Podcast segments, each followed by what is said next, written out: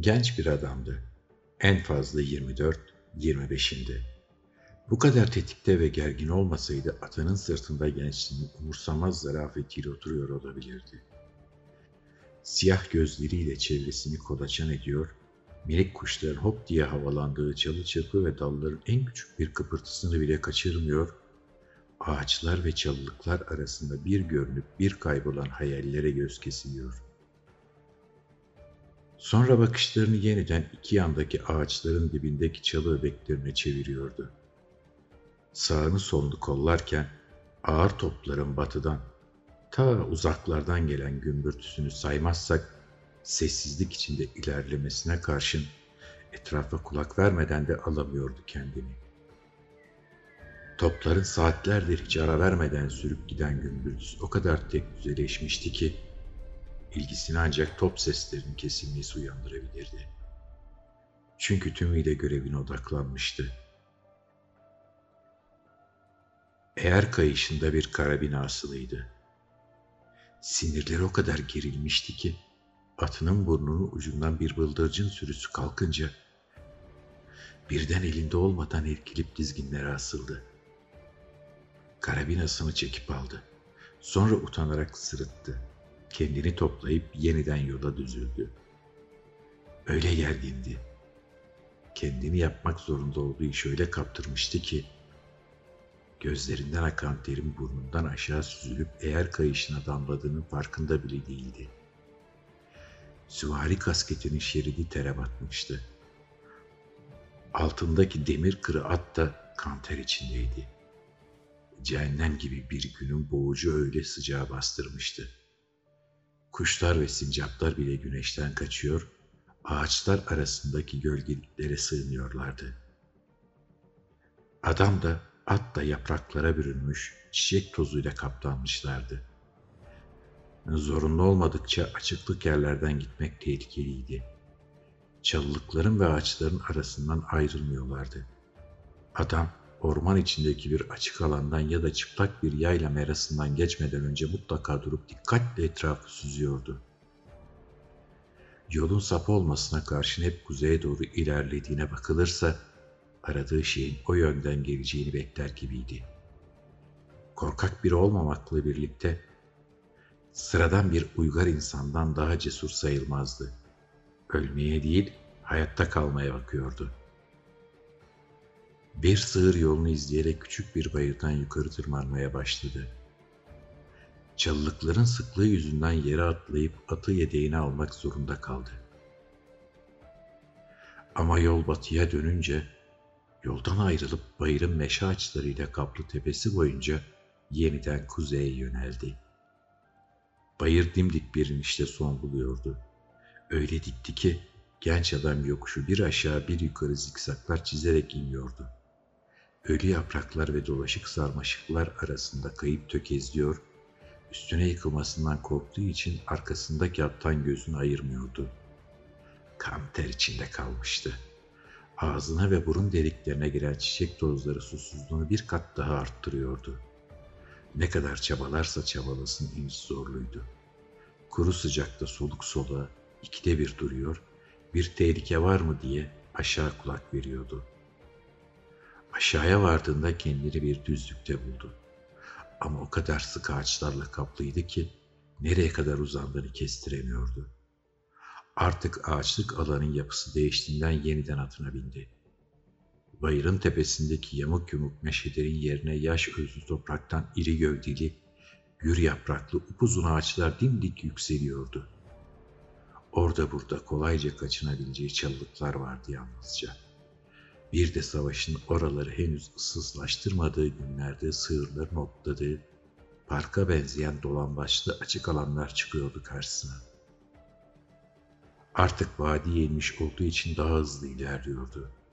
Yarım saat kadar sonra bir açıklığın kenarındaki kırık dökük bir parmaklığın önünde durdu. Burasının açıklık olmasından hoşlanmamıştı. Ama yolu derenin iki yakasını çevreleyen ağaçlara doğru uzanıyordu. Önündeki açık alan en fazla 400 metreydi. Ama oradan gitmeyi aklın ucundan bile geçirmiyordu. Dere boyundaki ağaçların orada belki bir, belki yirmi, kim bilir, belki de bin tüfek pusuya yatmış olabilirdi. İki kez yola koyulmaya kalkıştıysa da her seferinde durakladı. Kendi yalnızlığı karşısında dehşete kapılmıştı.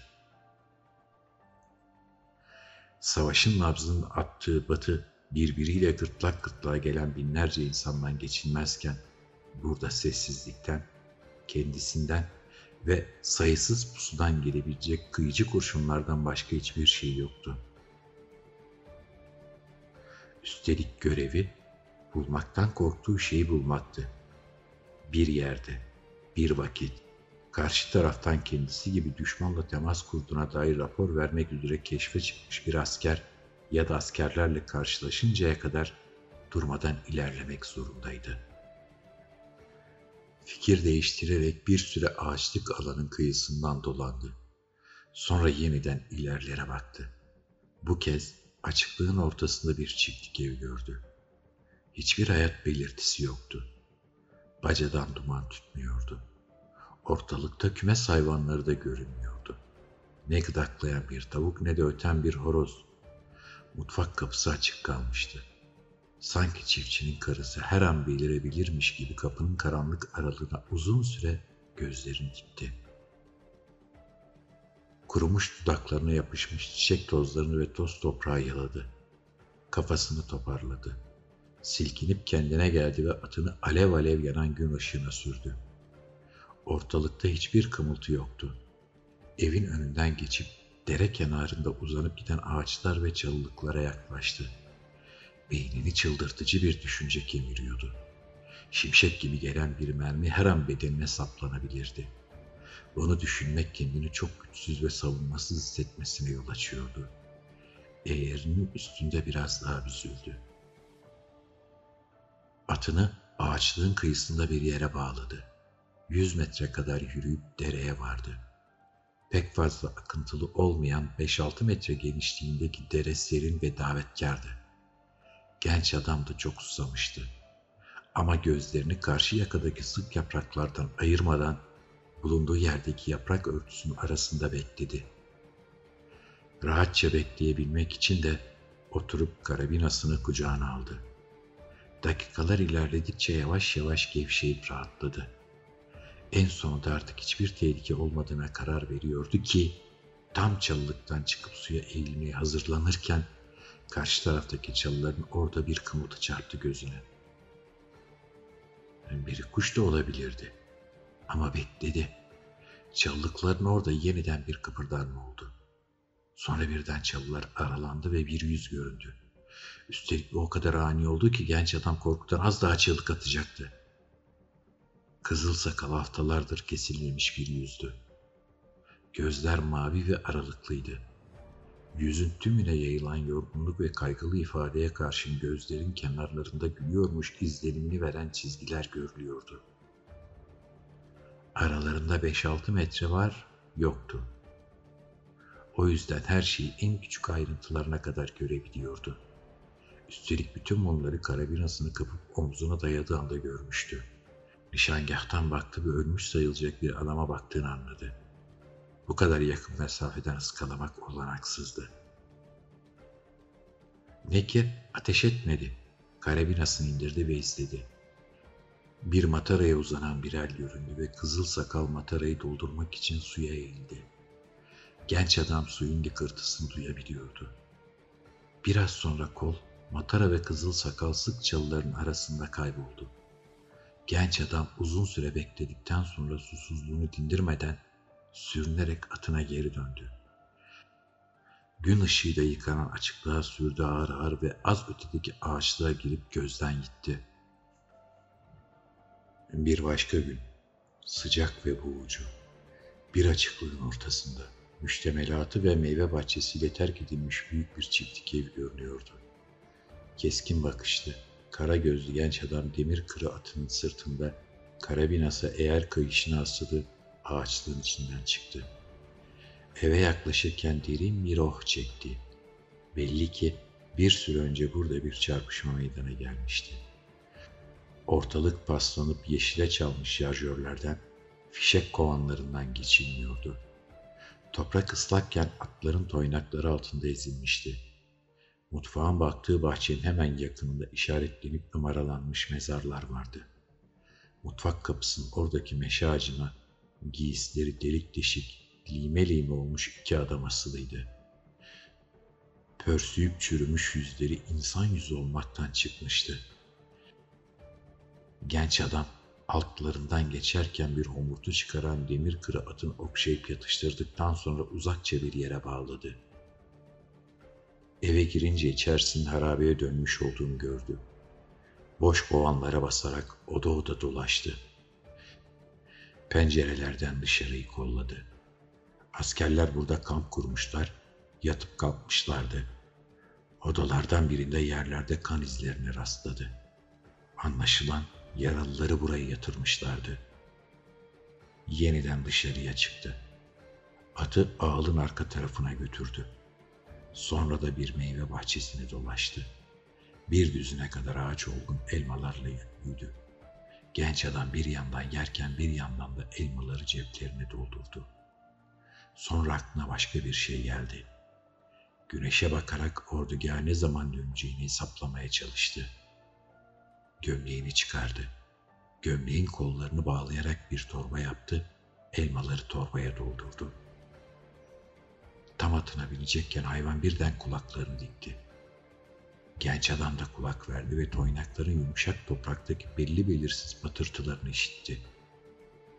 Sürünerek ağılın köşesine kadar gitti ve oradan kafasını uzatıp baktı. Açıklığın karşı tarafından 12 atlı biraz aralıklı olarak geliyordu. Genç adamla aralarında 100 metre var yoktu. Eve doğru at sürüyorlardı. Bazılarının at sırtında, bazılarının attan inmiş olması ise orada uzun süre kalmayacaklarını gösteriyordu. Aralarında bir konuyu tartışıyor gibiydiler. Genç adam yabancı istilacının tiksinç dilinde heyecanlı heyecanlı bir şeyler konuştuklarını duyabiliyordu. Bir süre bekledi.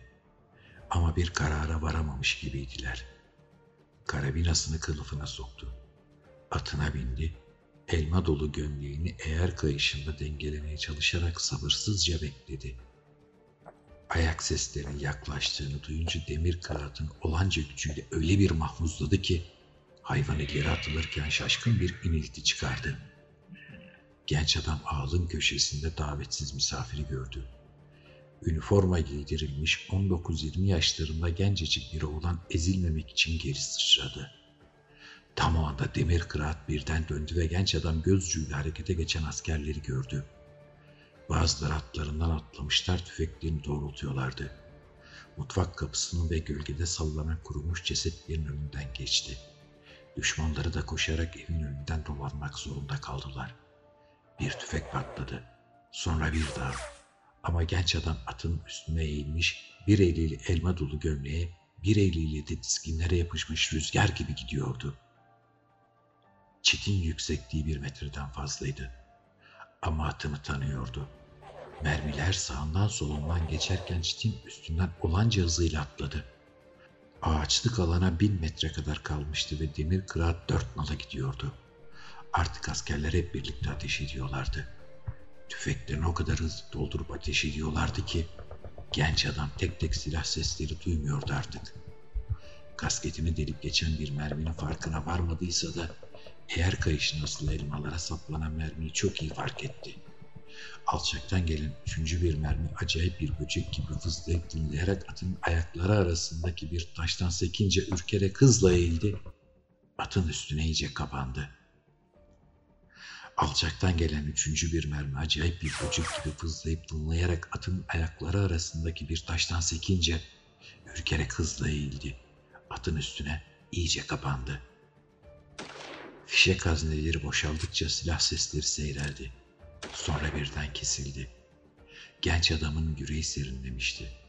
O afallatıcı yaylım ateşinden yarasız beresiz kurtulmuştu. Dönüp arkasına baktı. Evet, mermi haznelerini boşaltmışlardı. Bazıları tüfeklerini yeniden dolduruyordu. Bazıları da evin arkasındaki atlarına koşuyorlardı. Genç adam bakı dursun iki satlarını atlamış, evin köşesinden fırlamış dolu dizgin geliyordu bile. Aynı anda o aklından çıkmayan kızıl sakallı askerin diz çöküp tüfeğini doğrulttuğunu uzak atış için soğukkanlılıkla beklediğini gördü. Genç adam atını mahmuzlayıp iyice üstüne yattı. Kaçarken kızıl sakallıyı şaşırtmak için durmadan yön değiştiriyordu. Ve silah sesi bir türlü gelmiyordu. Atın her ileri atılışında ağaçlık alan biraz daha yakınlaşıyordu. Epi topu 200 metre kalmış, silah sesi hala duyulmamıştı. Sonra birden duydu silah sesini ve duyduğu son şey oldu.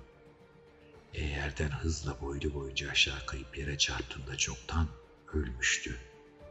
Evin oradan onu seyreden askerler düştüğünü, gövdesinin yere çarpıp havalandığını, kırmızı yanaklı elmaların dökülüp çevresine saçıldığını gördüler.